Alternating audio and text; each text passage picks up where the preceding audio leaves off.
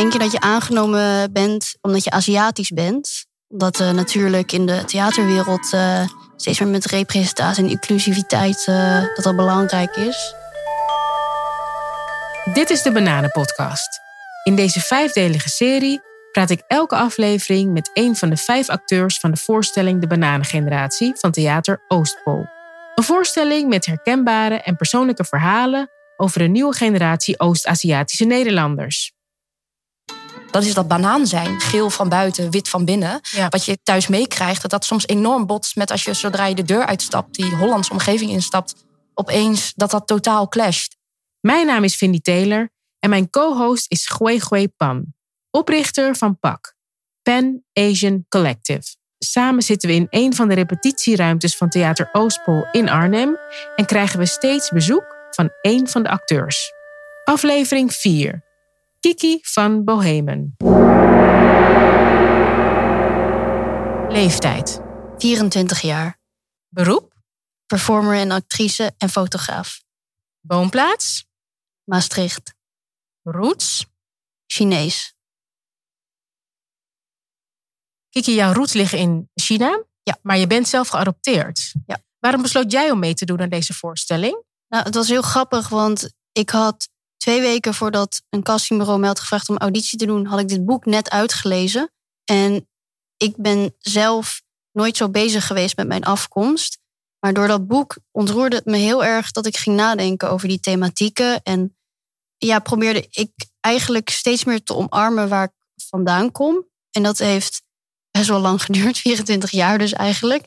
En nou, toen ging ik auditie doen en ik was nog best wel terughoudend in het onderwerp, omdat bijvoorbeeld de andere acteurs hebben allemaal Oost-Aziatische ouders en mijn ouders zijn Nederlands. Dus ik voelde me sowieso nog wel een beetje een vreemde eend in het bijt. Maar ik dacht ook, dit is ook een, een kans voor mij om die vragen te onderzoeken, hoe ik daarin sta en wat mijn verhouding is tot mijn roots en het Nederlandschap. Ja.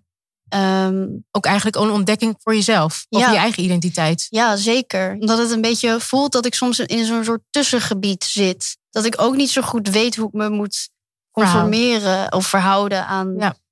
ja. Is er een eh, reden, want je zegt dat je het boek eigenlijk gelezen had voor de, voordat je auditie deed. Is er een reden waarom je het boek bent gaan lezen? Ja, maar ik heb met mijn nicht eh, vaak gesprekken gehad over hoe het is om geadopteerd te zijn in het Chinees. En we hadden op een gegeven Zij moment. is ook geadopteerd? Eh, nee, nee. Eh, en toen had ik het met haar over Asian hate en discriminatie. En toen vroeg ze aan mij eh, of ik wel eens gediscrimineerd was. En ja, mijn antwoord was daarop ja. En toen zei ze tegen mij, nou dan moet je de bananengeneratie gaan lezen. En toen eh, dacht ik, nee, dat, dat is niet aan mij. Ik ben niet Aziatisch. En toen na drie jaar heb ik dat boek toch opgepakt. Waarom zo lang? Durfde je in het begin je nog niet te associëren? Ik, ik denk dat je het al Ja. op een andere manier moet stellen. Want ik denk niet zozeer dat het daarom gaat. Het gaat natuurlijk ook gewoon het.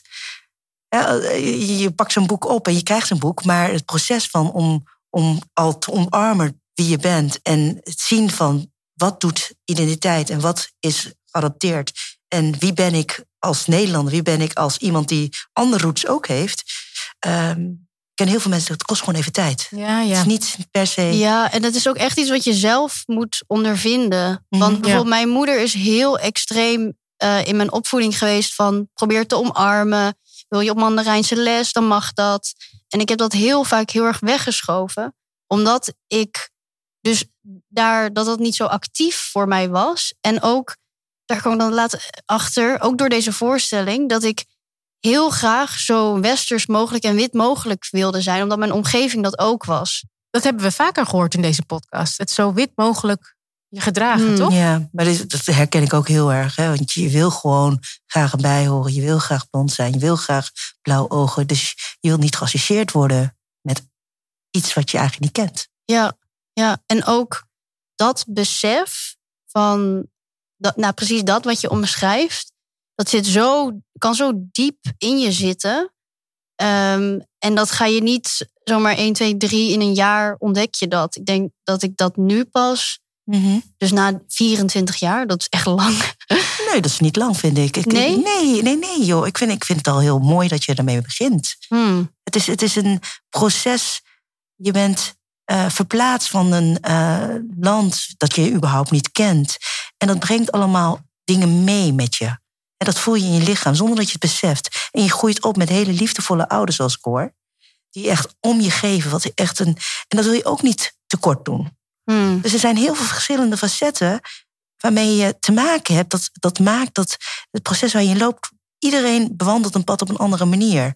En ik denk dat het um, eigenlijk heel mooi is dat je op je 24e al die stappen zet. Ik ken ook mensen die kinderen hebben, uh, geadopteerd zijn. En dan op een gegeven moment, en de kinderen worden dan 5, 6, 7. En opeens beseffen, oh ja, waar kom ik eigenlijk zelf vandaan? Wat betekent dat voor mezelf? Hmm. En dan, die zijn dan over de 40 bij wijze van. Oh ja. Dus het kan ook. En het is allemaal niet erg. Het gaat vooral van hoe bewandel jij je pad en wat is daarin belangrijk. Hmm. Ik denk dat, dat heel mooi is. Klopt dat zo? Dat dat de reden is waarom je na die drie jaar dat boek las? Ja, ja denk het wel, ja. En wat, wat, wat maakte het dat je na drie jaar het las? Um, ik denk dat dat heel erg ook komt door de media. Um, je ziet natuurlijk bijvoorbeeld in films veel meer representatie, nog steeds niet goed genoeg. Maar um, nou ja, het helpt ook als iemand als Piet Wue een VPRO-documentaire serie maakt. En dan onbewust gaat dat toch uh, gaat er een balletje rollen in je hoofd dat, dat ik meer over die uh, thema's ga nadenken. En ja, het komt ook door school. Ik word op school heel erg, zeg maar, dat daar staat toneelschool bekend om dat je ja, heel veel over jezelf leert ontdekken en heel erg open staat.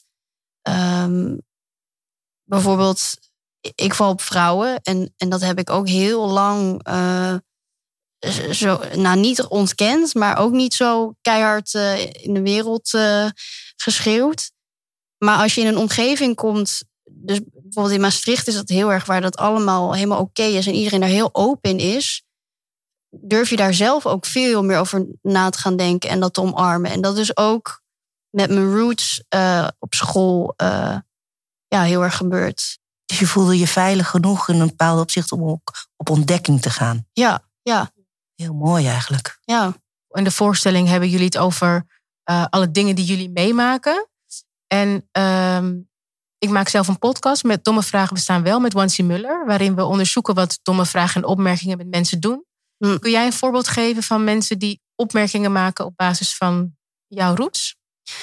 Ja, ik heb uh, er twee. Er was uh, één keer was er, toen ik net aangenomen was in Maastricht, was er iemand die aan me vroeg: Denk je dat je aangenomen bent uh, omdat je Aziatisch bent? Omdat natuurlijk in de theaterwereld steeds meer met representatie en inclusiviteit dat dat belangrijk is.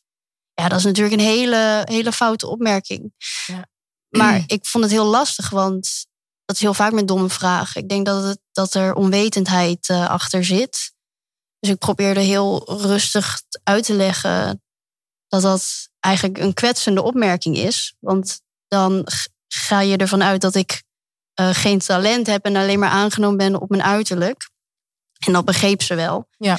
Um, oh, dat heb je, je hebt het wel uitgelegd. Ja, zeker. Ik denk altijd dat je als iemand een domme vraag stelt, dat je niet vanuit woede of boosheid moet reageren, maar altijd vriendelijk moet uitleggen waarom het kwetsend kan zijn. En hoe reageerde zij?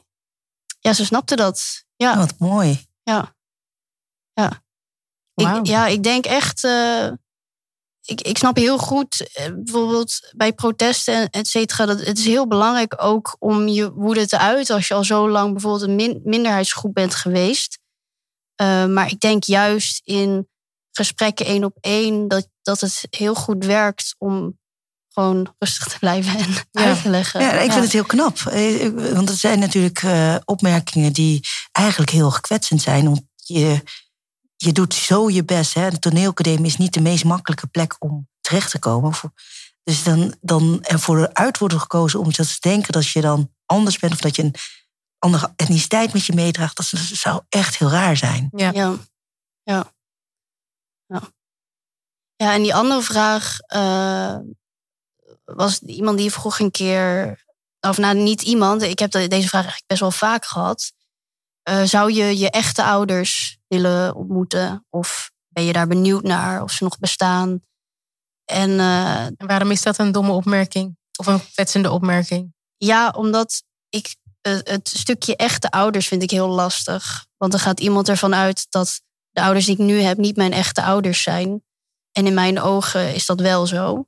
Dus voor mij, kijk, voor iemand die die vraag stelt, is het waarschijnlijk echt de oprechte nieuwsgierigheid. En die heeft er geen kwade bedoelingen bij. Hoe kunnen ze het dan anders aan je vragen? Want je weet een beetje wat ze bedoelen. Ze, willen, ze, willen weten of jij onderzoek gaat doen naar je familie mhm. in het land waar je geboren bent. Hoe zou je dat moeten vragen? Ja, dan zou ik eerder zeggen. Of moet je het, moet je het überhaupt? Is het überhaupt een vraag die je kan stellen? Of is, is... Zeker, zeker. Ik vind eigenlijk dat je altijd, als je benieuwd bent, vragen moet stellen. En ook als juist zelfs over uh, precaire onderwerpen, vind ik juist dat, dat, dat je in gesprek met elkaar moet blijven gaan. Want anders blijft het een, een, uh, spannen, een spanning omheen hangen. Ja. Terwijl ik denk dat moet je juist doorbreken. En ik vind het ook helemaal niet erg als iemand de fout ingaat met deze vraag. Ik, ik zeg dan uh, tegen ze, ik zeg liever uh, mijn biologische ouders. Ja. Uh, dus dan zou de, de, vraag dus zijn, waar kom, ben je benieuwd naar je biologische ouders? Ja. ja. ja. Ik vind het heel mooi dat je het zegt dat je heel open moet zijn. reageren mensen ook positief als je dat op die manier vertelt van nee, ik wil liever dat je het anders formuleert. Um, ik ken ook mensen die van dat echt heel vervelend vinden als ze deze vragen krijgen. Omdat ze het zo vaak vraag, gevraagd worden. Hmm, ja. ja, ik vind dat wel vervelend, maar niet zo vervelend. Want ik weet dat er ook vaak uh, oprechte nieuwsgierigheid uh, aan vooraf gaat. Ja. Dus ja, en ik, ik denk eerlijk gezegd, het is heel moeilijk voor iemand die geprivilegeerd is om te snappen uh, waar sommige mensen mee worstelen. En ik denk dan dat, het, dat je altijd maar beter eventjes moet uitgaan uh, dat iemand zo onwetend is. En dat, dat, dat er ook een stukje verantwoordelijkheid bij mij ligt om het op een toegankelijke manier uit te leggen. Want ik denk dat als je. Ik snap hier ook heel goed hè, dat sommige mensen heel boos reageren. Maar ik, ik denk dat je dan ook juist heel erg ja, voor polarisatie gaat zorgen of iets dergelijks. En voel je dan ook echt een verantwoordelijkheid? Zoals je dat. Je zegt net, je had het eerder over woorden die krachtig zijn, maar je hebt het over verantwoordelijkheid. Dat is nogal wat. Als jij zegt, ik voel een verantwoordelijkheid om hen het goed, op een goede manier, toegankelijke manier uit te leggen. Dat, dat vind ik nogal wat. Ja, waarom? Nou, omdat het niet. Ik zie het niet altijd als de taak van degene tegen wie de opmerking wordt gemaakt. om de persoon te onderwijzen. Ja, dat snap ik. Dat snap ik heel goed. Uh, want dat is ook natuurlijk super vermoeiend voor degene die eigenlijk altijd al sowieso in een minderheid zijn. Om dan, ja, dat snap ik super goed. En ik denk dat het ook voor iedereen anders is. En ik uh, oordeel ook niet per se op dat het in zijn algemeenheid moet. Maar voor mezelf ja. denk ik gewoon, ja, dat is een manier die, die ik het liefst zo wil, wil hanteren. Nee, ik vind dat heel mooi. Ik vind het ook heel krachtig als je dat al kan. want ik denk waar andere mensen misschien tegenaan lopen, is het gewoon als je het weer moet uitleggen, dat er een bepaalde mentale vermoeidheid ontstaat.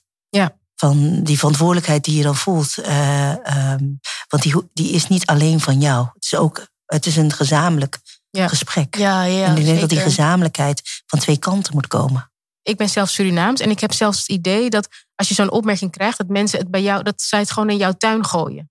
Dat jij daar iets mee moet. Hmm. Terwijl ik denk, jij kiest ervoor om mij te benaderen voor interactie. Dus, dus als daar iets mee is, dan is het ook, dan is het tenminste een gedeelde verantwoordelijkheid. Ja. Maar je ziet toch vaak dat het dan bij de ander ligt. Ja. Snap je? Want zij gaan uit van een bepaald vooroordeel. En in hun hoofd is dat vooroordeel, dat is zo. Dus waarom moeten zij daar iets mee? Nee, jij moet er iets mee. Ja. Dat, snap je? Dat is een beetje waar ik dan, uh, waar ik dan, wat ik dan lastig vind als je het hebt over het is mijn verantwoordelijkheid. Mm, ja. Wat vind jij, Gwee? Nee, nee, ik uh, deel je mening. Want ik, uh, een van de redenen waarom ik me op een gegeven moment van alles ben gaan leren, is omdat ik me continu werd gesteld dat ik. Ik heb dan ook Chinese roots in dit geval. Mensen hadden een voorstelling en ik moest dan dit en dat en dat weten. En ik kan geen antwoord geven als ik het niet goed weet. Dus ik voelde me heel erg verantwoordelijk om de hele geschiedenis te kennen, om dit te kunnen, om dat te kunnen. Terwijl dat eigenlijk belachelijk was, uh, achteraf gezien. Want Ja, achteraf ja. gezien dacht ik van, ja, je, je vraagt een tiener om iets te weten waar ze nooit, eh nou ja, ik geen les in kreeg, eh, niet, niet echt haar geschiedenis is. En ze is gewoon eh Deventenaar. ja, nee, ja, zo voelde ik me. Ja. Ik ben gewoon devenaar, Ja, ik ben ja. Nederlands, ik wil blond zijn. En, en ik krijg allemaal vragen over China waar ik geen antwoord op weet. Ja, ja. En, dat, en, dat, dat, dat, en dat denk ik van, achteraf gezien zou ik zeggen van... eh, Ik zou graag mensen bewust willen maken dat je niet alles een ander moet afgeven, maar dat je ook zelf verantwoordelijkheid moet nemen. Ja. In wat, welke vragen stel je? Kijk hoe mensen reageren. En, ehm, en zeker om op precaire onderwerpen, vraag of je zoiets mag vragen. Ja. Vraag of, of, je het, of je bepaalde vragen mag vragen. En als mensen erop in willen gaan, dan kun je die vragen stellen. Als mensen er niet in willen gaan, dan Is dat een goed recht? is het een goed recht. Het Ja. is, dat is hun verhaal. Mm. En die verhalen vertellen jullie in de voorstelling. Jij, jij bent geadopteerd, dat is een onderdeel van jouw identiteit. Nemen jullie dat ook mee? Komt dat ook naar voren in de voorstelling? Ja, zeker. Ja. Ja? Dus eigenlijk is, zou ik de Er voorstelling... is ook een grote gemeenschap van geadopteerde kinderen 23.000 mensen in Nederland met Aziatische roots. met Aziatische roots. Ja. Ja. Ja, zeker komt, het- komt dat in de voorstelling. Ik, ik denk dat de voorstelling zelf echt eh, eigenlijk een heel divers groot portret is van de cast. In combinatie met het boek van Piet. Ja. Eh, dat dat wel een goede samenvatting zou zijn. Ja. Nou, Ja. prachtig. Ik zou zeggen, allemaal naar de voorstelling. En dus ook nog een boek lezen. Ook nog het boek lezen. Ja. Ja. Ja, ja, Dankjewel, Kiki. Yes, jullie bedankt. Dankjewel, Gooi Gooi. Dit was de vierde aflevering van de Bananenpodcast, waarin je de acteur Kiki van Bohemen beter hebt leren kennen. In de vijfde en tevens laatste aflevering van deze serie praten Gwe en ik met acteur Kokwa Lee. Meer informatie over de voorstelling, de acteurs of mijn co-host Gwe is te vinden op theateroostpol.nl.